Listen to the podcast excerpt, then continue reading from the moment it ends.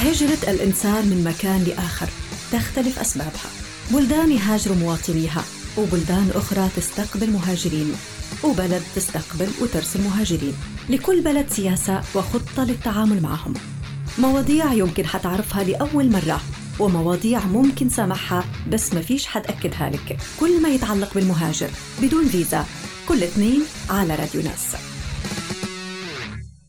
هذا البرنامج بالشراكة مع مؤسسة بلادي لحقوق الإنسان.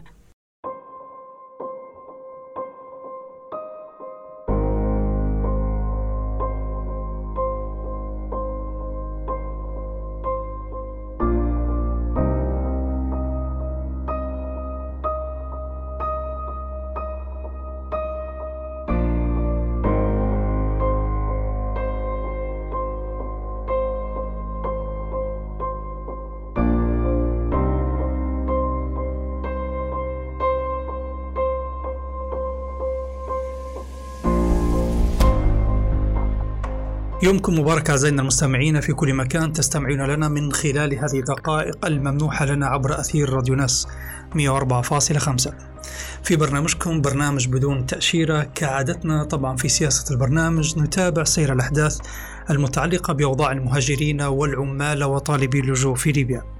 وحاولنا نتحدث في كل الحلقات السابقة عن عشرات الوقائع والأحداث المتعلقة بالمهاجرين سواء كان من الليبيين وغير الليبيين. ومن وإلى ليبيا يعني وكيف كان أوضاعهم أو كيف كانت أوضاعهم أثناء البقاء في ليبيا وحتى مغادرة حدودها.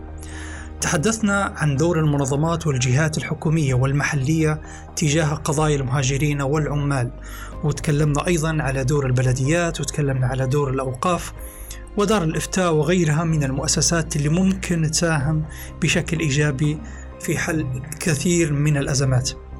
وكان لنا تركيز كبير على دور مفوضية اللاجئين. المفوضية السامية لشؤون اللاجئين واللي هي مناط بها حماية شريحة كبيرة جدا من الناس اللي تدخل إلى ليبيا. مثل ما كان لها دور في حماية الكثير من الليبيين اللي يخرجوا ويوصلوا إلى أوروبا فتستلمهم وتقوم بتسجيلهم المفوضية السامية لشؤون اللاجئين. وحتى توفر لهم الحماية في في كل الأحوال وفي كل المراحل اللي هم موجودين فيها. فالناس اللي تدخل ليبيا وموجودة الآن في ليبيا جزء كبير منهم هم طالبي حماية.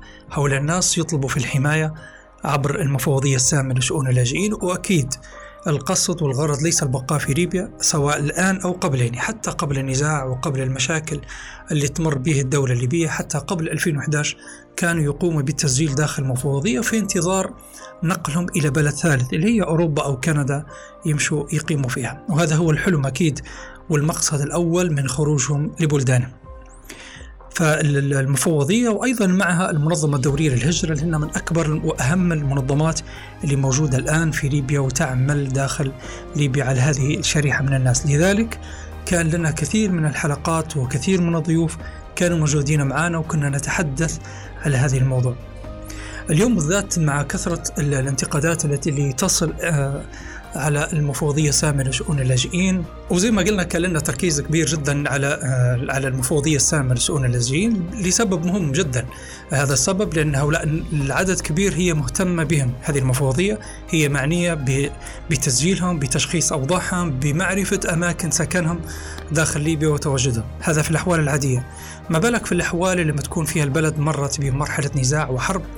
فمن المهم عندما تعلن المفوضية السامية لشؤون اللاجئين أو مفوضية اللاجئين في طرابلس ومكاتبها الموجودة سواء كان في جورجي أو في السراج أنها لما تعلن مثلا في نشراتها الشهرية أو في تقاريرها أنها أن لديها مسجلين أكثر من 40 ألف داخل ليبيا وأحيانا 47 ألف وأقل فإذا لما تعلن منظمة بمثل هذه الأرقام من الطبيعي أن نكون هي على علم ومعرفة بأين يوجد هؤلاء الناس. ولما يخرج ومن خرج منهم ومن مات منهم ومن خرج منهم بطريقة قانونية ومن خرج بطريقة غير قانونية من ليبيا حتى تكون لهذه الأرقام مصداقية والناس تتابع بالفعل أن, أن هذا هو الرقم الموجود آه، داخل ليبيا. هذا من ناحية الأعداد والأرقام. ومن ناحية ثانية من ناحية الخدمات اللي تقدمها. فنحن يعني آه، في ليبيا بالذات على مستوى المعيشي والمستوى الاقتصادي بصفة عامة أصبح صعب على الليبي نفسه والواقع جدا خطير خصوصا بعد جائحة كورونا. اللي نسأل الله أن تفرج عن قريب وتزاح هذه الغمة سواء على ليبيا وكافة دول العالم. كثير من الشكاوي كانت تصل من طالبي اللجوء من الناس الموجودة في ليبيا من تقصير هذه المنظمات اللي هي أعلنت أن هي متكفلة. بعلاجهم على الأقل وبقضايا القضايا الأساسية اللي هم يحتاجوها. ولكن مع الأسف الكثير يشكي الكثير كنت أثناء إعدادي لهذه الحلقة أحاول أن أقول يعني أن هناك يعني مجموعة من الناس تثني على دور المفوضية وأن هناك مجموعة من الناس تقول والله أنها مبسوطة أن المفوضية قدمت لها خدمات للأمانة ما وجدنا سواء كان من الناس اللي نتواصل معهم أو من المجموعات اللي نحن نتابعها عبر وسائل التواصل الاجتماعي أو التقارير اللي تصدر. ما وجدنا شخص يقول والله إنه راضي على دور المفوضية، نعم هي قدمت خدمات لبعض الناس والكثير من من الناس خرجوا في ما يعرف بإعادة التوطين. ولكن لو تحدثنا عن الخدمات الأساسية وداخل ليبيا مع الأسف آه، لا نجد من يثني أو على الأقل يقول أن هي قدمت الحد الأدنى حتى لو نطيل عليكم تعمدت أني فقط أعطي آه، هذا الاختصار لسير الحلقات السابقة. اليوم آه، راح يكون معي ضيوف ضيفين عزيزين. من السودان وسبق كنا استضفناهم فيما سبق. استضفنا أحدهم اللي هو سيد محمد. آه، ضيف آخر آه، كان من المهم أن نحن نتحدث معه وكنا متواصلين معه خصوصا منذ يومين كانت هناك وقفة احتجاجية. آه، كان هناك وقفة احتجاجية أمام أمام مقر المفوضية السامية في جورجي. أمام مقر المفوضية السامية لجورجي.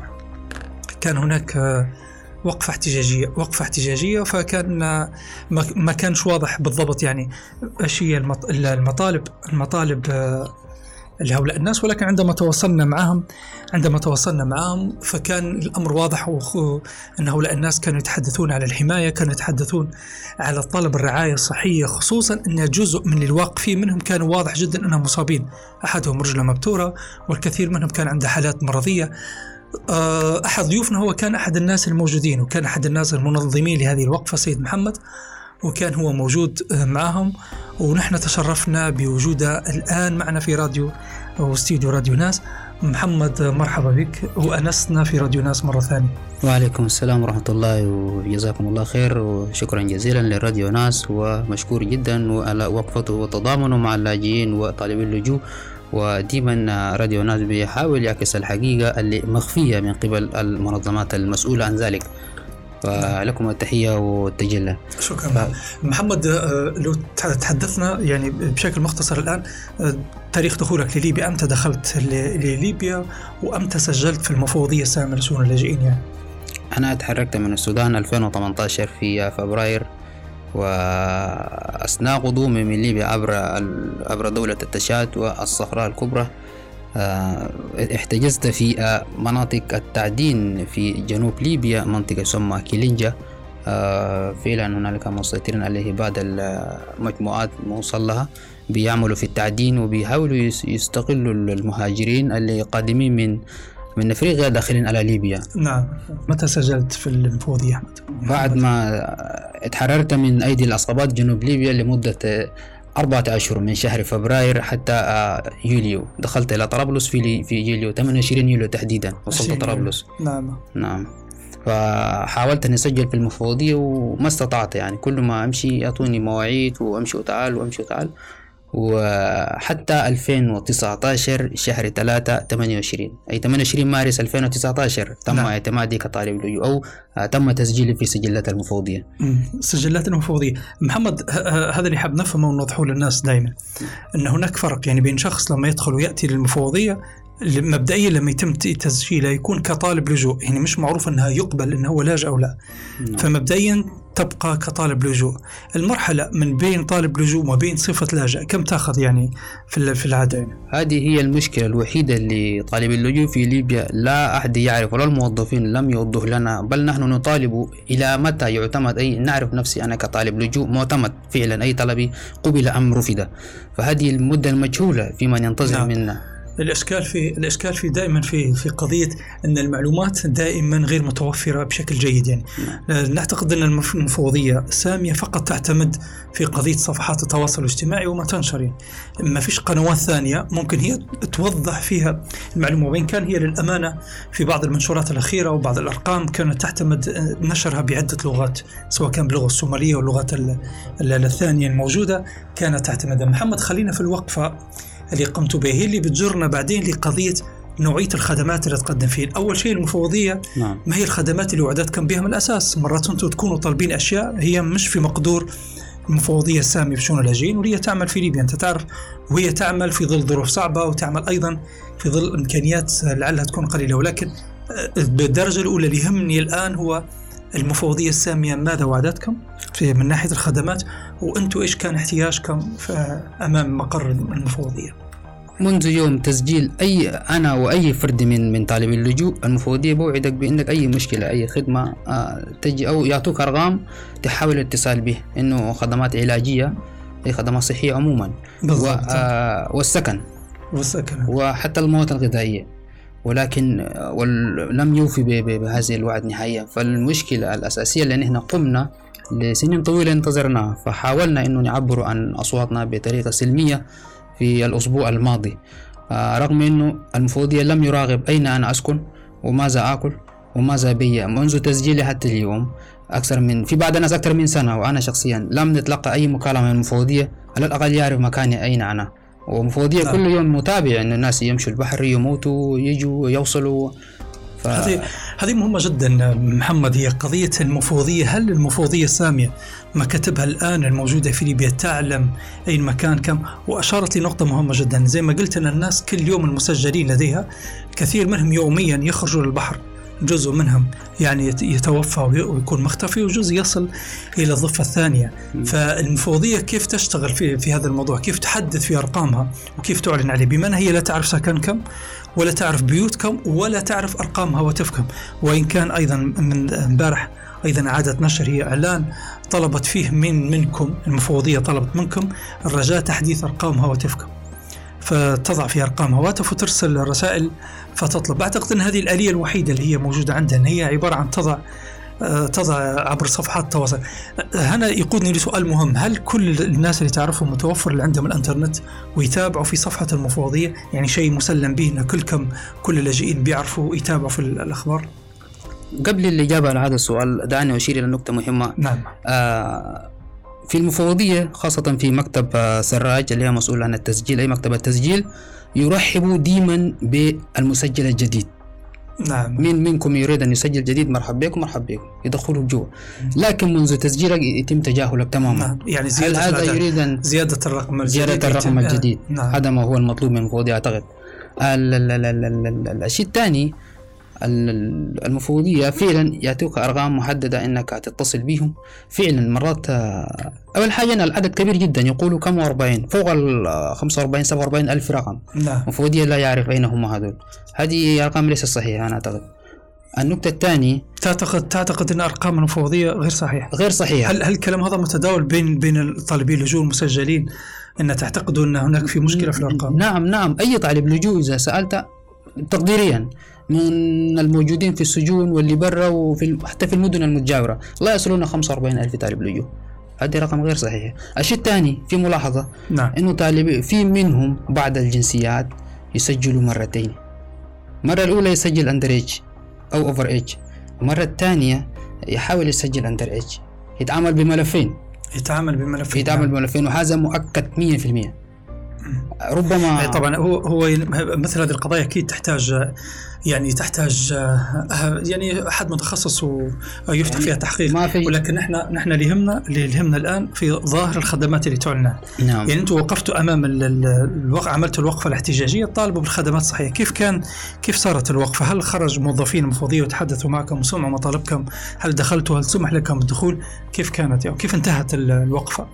آه، ب- ب- بتجمهر ال- ال- اللاجئين وطالب اللجوء. كل واحد منهم يحمل ملفه وفي منهم من فقد الملف. يحاول استخراج ملف جديد سواء كان في مكتب سراج أم في جورجي لكن وقفتنا اللي أسبوع اللي منصرم نعم. كان نطالب بخدمات آه، حماية حمايه نعم. إيه، 80% بنطالبوا بحمايه وفي منهم من يطالب بخدمات طبية.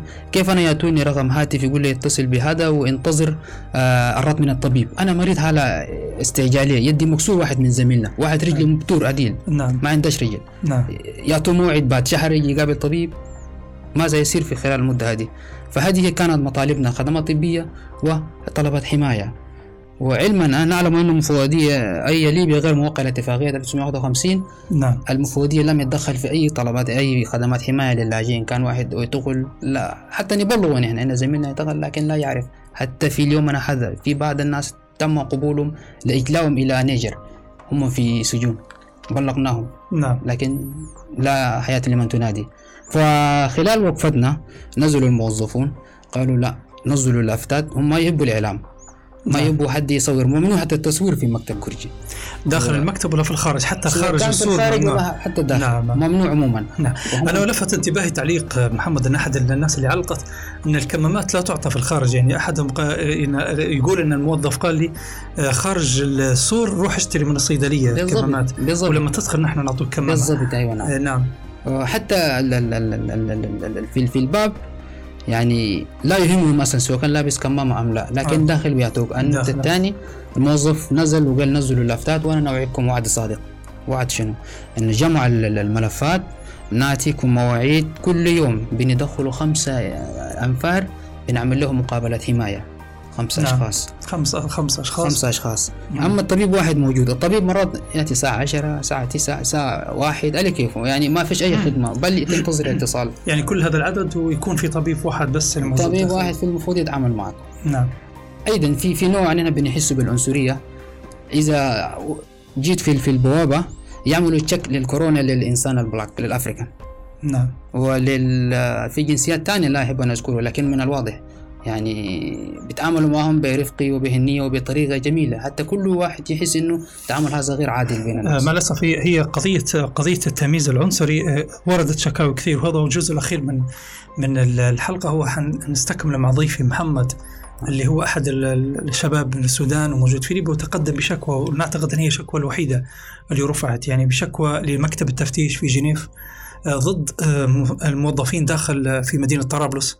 في مكتب جرجي آه، على قضية على خلفية يعني على خلفية موقف عنصري حصل معه ومع الاسف لغاية الآن لم يحصل أي رد آه، في في قضية محمد. ولكن هذه حقيقة يعني فعلا قضية ال- المواقف العنصرية أحيانا تحصل وطلبنا عديد المرات بفتح تحقيق ولكن لغاية الآن لم يصدر حتى تعليق آه، مش يعني نتائج تحقيق حتى تعليق من المكاتب المفوضية. حول هذه المزاعم يعني خلينا نقوله في في قضية ال- العنصرية. مواقف العنصرية حصلت كثير وما زال بتحصل والشيء اللي بيخوف به اللاجئين إنه بيجيبوا لك الميليشيات ويرفعوا. إيه، هذا هذا هذا هذه نقطة مهمة للأمانة محمد يعني هذه نقطة جدا مهمة وأنا سمعتها من أكثر من شخص. وعمري ما علقت عليها يعني ما تكلمت عليها سواء كان في البرنامج ولا غيره نعتبرها مزاعم. أه، هل يعقل أن موظف المفوضية يعني يحاول أن يستعين بمجموعات مسلحة لتفريق كم أو محاولة إسكات كم؟ فأمر غريب شوي. هل, هل أنت متأكد أن متأكد 100% نعم. وحتى الرف- زملائنا اللي ناموا في الشارع في البوابة في قدام مكتب غوريجي الموظف أتى بهم. 21 يوم الجماعة دول نايمين في البوابة نعم في الشارع. إيه، طبعا أنا الموضوع. بالحماية. طالب الحماية. وأتوا بهم بالمجموعات مسلحة ورفعوهم إلى القسم. ال- الكويس إنه حضر المسؤول هي الضابط. شنو مشكلة الشباب هذول قال مشكلتهم مع المفوضية. الضابط قال ردوهم إلى المفوضية. فهذه المشكلة كان المفوضية تفاجأت إنه كيف الناس يعني أنتم ما عندكم. اشكال مع الحكومة الليبية كان لا ما عندنا إشكال يعني الإشكال كان حتى إذا ودوك ال- ال- القسم مشكلتك مع المفوضيه ما ما يدير لك شيء. إلا يعني- يخطوك في حجره غير شرعية لكن أكثر من ذلك أي مشكلة مع المفوضيه لا. نعم إذا أنت آه، انت ان أنت تاكد إن خلال الوقفة الاحتجاجية يعني تم تهديدكم بأن ممكن يتم الاستعانة بمجموعات مسلحة في حالة ما نزلتوش اللافتات أو خرجتوا أجبرونا على وضع اللافتات على الأرض. على الأرض نعم. نعم, وبالفعل وضعنا اللافتات و- ووعد المجموعة هذا بطلب يعني من من الموظف. آه من موظف داخل هو يخاف. من الإعلام إنه نحن نقدر نصور ولا نرفع في الإعلام. نعم. فعلا تمكنا للتصوير بعد مع المقاطع الأسف هو هو في إشكال دائما نحن ودائما نأكد عليه.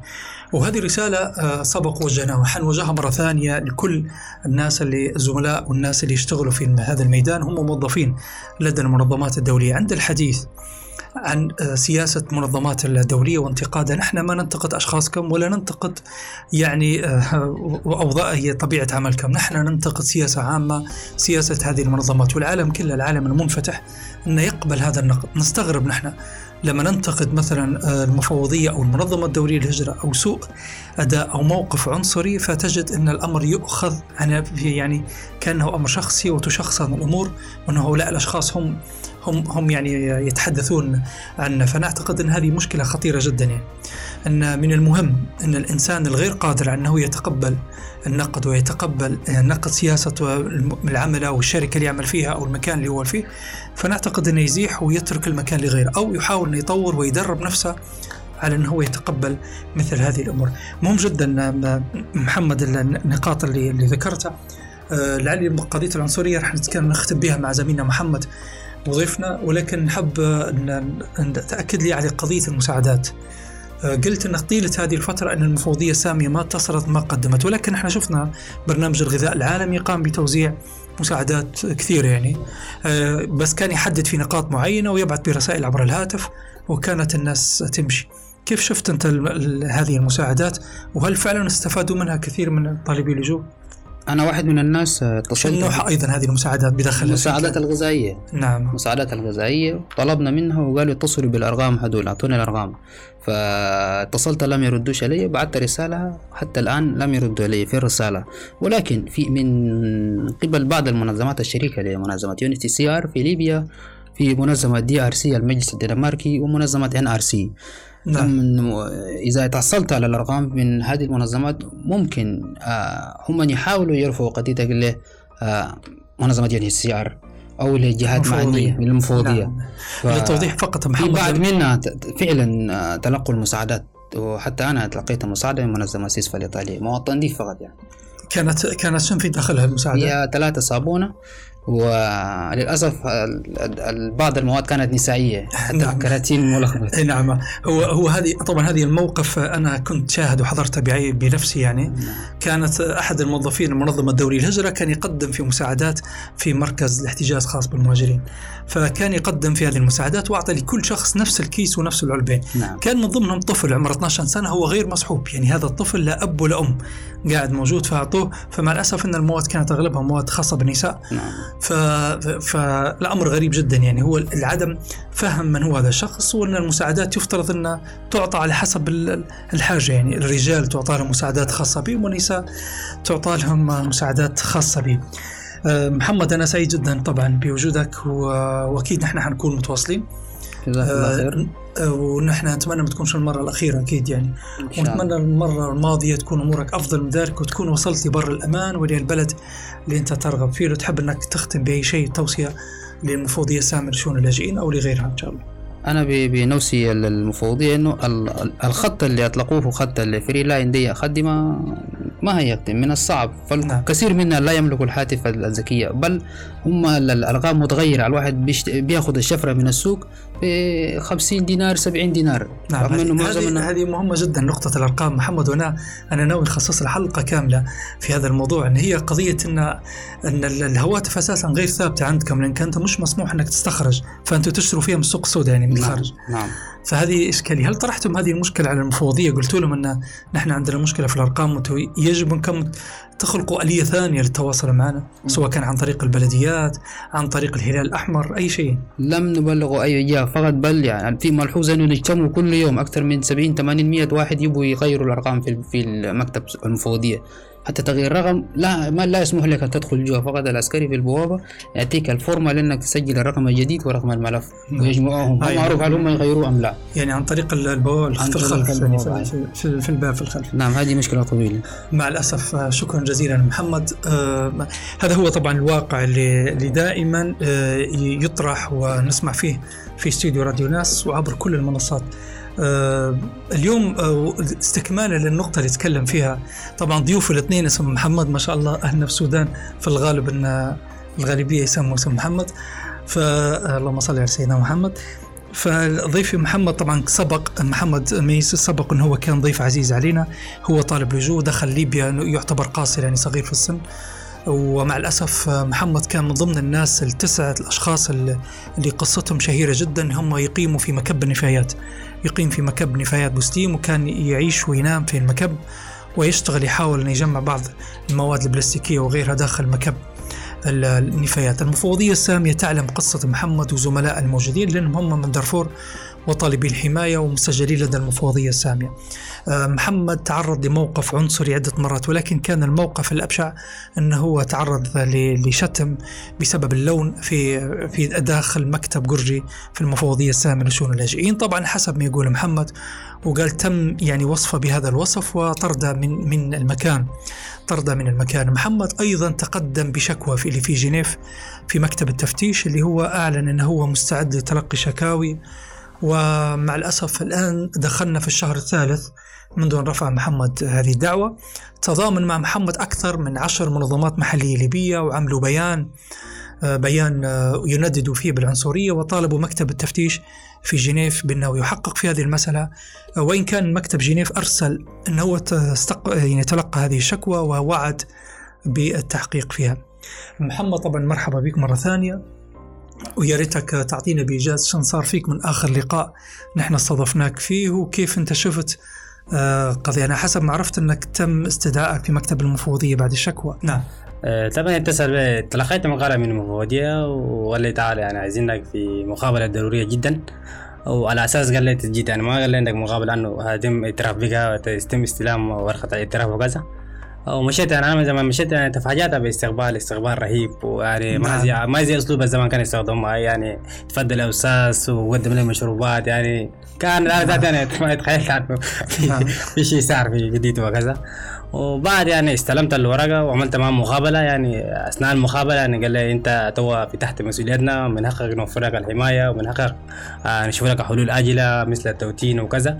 يعني أنا أثناء سمعت الكلام قلت لهم يعني أنا كنت زمان طالب لجوء يعني مسجل لديكم منذ ثلاث سنوات. يعني أنا ما يعني كان ما مسجل في ضمن القائمه ولا كيف قال لي لا لا أنت تو يعني آه، تم الاعتراف بك كلاجئ يعني أنت تحت نعم. مسؤوليتنا. أنا قلت من زمان حتى طالب لجوء في تحت مسؤوليتكم يعني أنا أنا بعد الحاجات من الالتزامات دي ما قاعد نتطلب بها وكذا. وطبعا الموظف حكيت له برضه الموظف الأخير يوم 26 يوم 23 سوري يوم 23 شهر 6 أثناء استلام ورقه ملف يعني تعرفت في مدة إيش الخلية العنصريه الذي حصل معي في إحدى الموظفين. تحدثت يعني تحدثت مع الموظف وبلغت عدة كل ما نمشي أنا أعمل مقابلة نذكرهم بالجانب هذا. وقدمت أيضا للمنظمة نفسها شكوى في صندوق الشكاوي ولم حياه زي ولا حياه لمن ينادي يعني ما لقيت منهم أي رد. يعني كله رد, رد سلبي يعني ما في رد معنوي ولا رد إيجابي. أمشي إن شاء الله نتصل بك و... ونحن والله ما ما علينا ما علينا نقدر نعمله والباقي ما نقدر يعني يعني كلها كلمات خير لايقه يعني. انك علاجي نجي يقدمك بشكوى. تعرضت وعندي دلائل وعندي إثباتات. يعني أنا أقول لك هذا معي كذا كذا وعارف الموظف وحتى الموظف أنا اعرف يعني شخصيا. نعم. وكذا لكن أقول لك آه، شنو يدرك؟ أنا الله خالد تو الزمن فات وكذا يعني كلها حياته مع الأسف. مع الأسف هو هو زي ما ذكرت إن لغاية الآن ثلاث أشهر وما زال هو وان كان هم دائما إجراءاتهم تاخذ وقت طويل يعني في الرد وغيره. وفي الرد وخاصة نحن يعني الشيء المؤسف اثناء الحرب يا ما أنا مقيم في بسليم وكان يعني حرب اقرب عليه مسافات يعني 500 متر. وأنا كل يوم اتصل لناس الحمايه الرقم 44 نقول له هذه كذا كذا وكذا يا من حفظ يعني اسمي وحفظ رقمي أحيانا يرفض المكالمة أحيانا يفصل الخط وشي يعني. كذا أقول لك شنو هذا هذا محمد اللي كنت أنا بنسأل عليه. في أثناء فترة الحرب وأثناء الآن خصوصا بعد قضية جائحة كورونا ومكاتب المفوضية نفسها أقفلت لعدة لفترة طويلة وكانوا يستقبلوا فقط لمدة ساعتين وعبر الهاتف وقالوا بسبب قضية كورونا. هل هل كان في تواصل مع خصوصا أنهم يعرفوا أن محمد واللي معاه مقيمين داخل مكب النفايات؟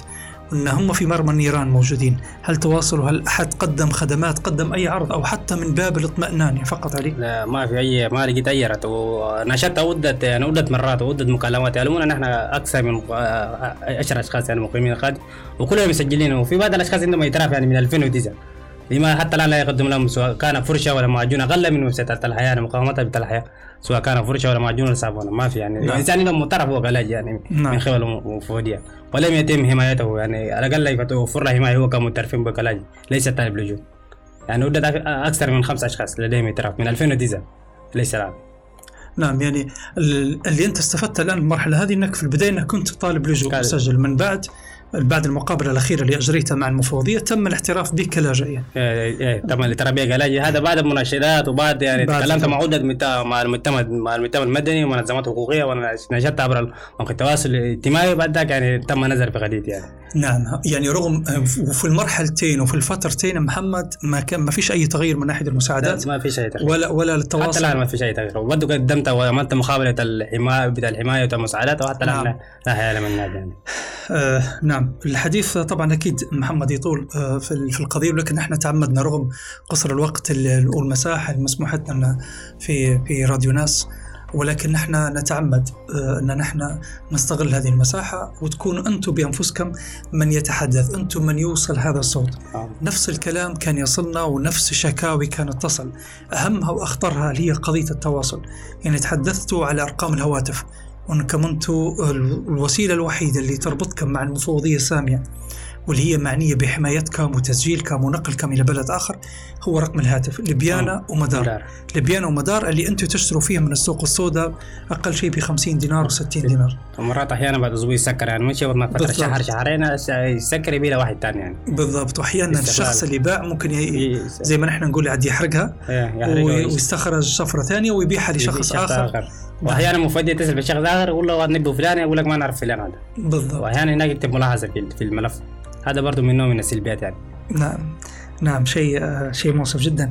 وهذا وهذه من ضمن التوصيات اللي نحن دائما نرسل فيها ودائما نقول إن على المفوضيه السامه اللاجئين أو المنظمة الدوليه أو أي منظمات والوكالات الموجودة الآن واللي تعتمد في قضية أرقام الهواتف للتواصل.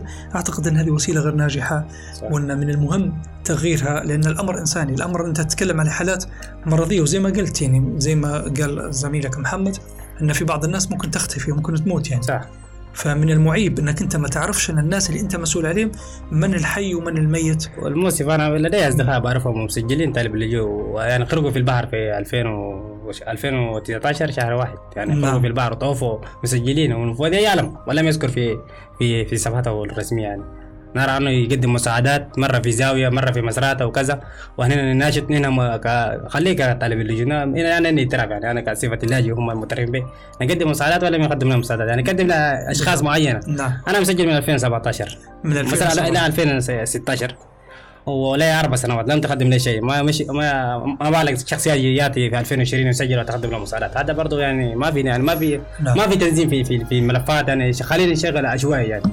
بالضبط. آه، تشغل نعم. يشغل غير منظم. مع الأسف هي هي الأزمات والازمات والأحوال تتغير. وهذه المشاكل عمرها ما كانت حكر على على بلد وعمرها ما كانت حكر على شخص معين.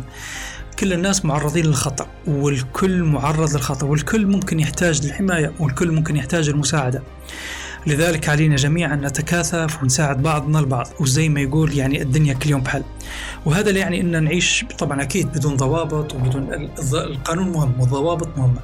ولكن هناك استثناءات. الاستثناءات هذه ال- يعني ذكرتها القوانين الليبية وذكرتها الاتفاقيات الدولية اللي صادقت عليها الدولة الليبية وذكرتها حتى المعايير اللي تعمل بها هذه المنظمات الدولية.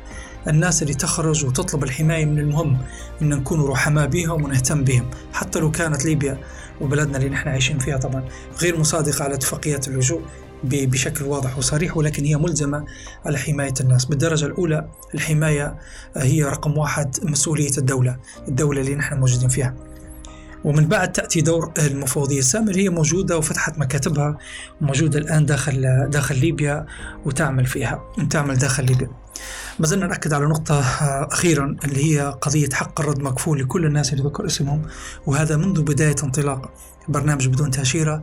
ونحن الآن وصلنا إلى الحلقة 19 في هذا البرنامج ونحن نؤكد على أن حق الرد مكفول لكل الجهات اللي هي ترغب في الرد وأن هي يكونوا ضيوف معنا آه، في في راديو ناس. وأخيرا في الدقائق اللي أتيحت لنا في هذا نجدد أكيد الوعد لكم بال- بال- باللقاء مرة ثانية مع ضيوف ثانيين.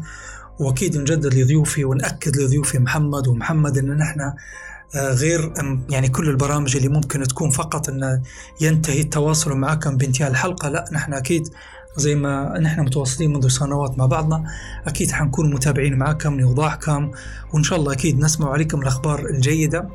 إن شاء الله. آه، لكم ولكل اللي يسمعوا فينا الآن عبر أثير راديو ناس آه، دمتم في أمان الله والسلام عليكم محدثكم طارق الأمنون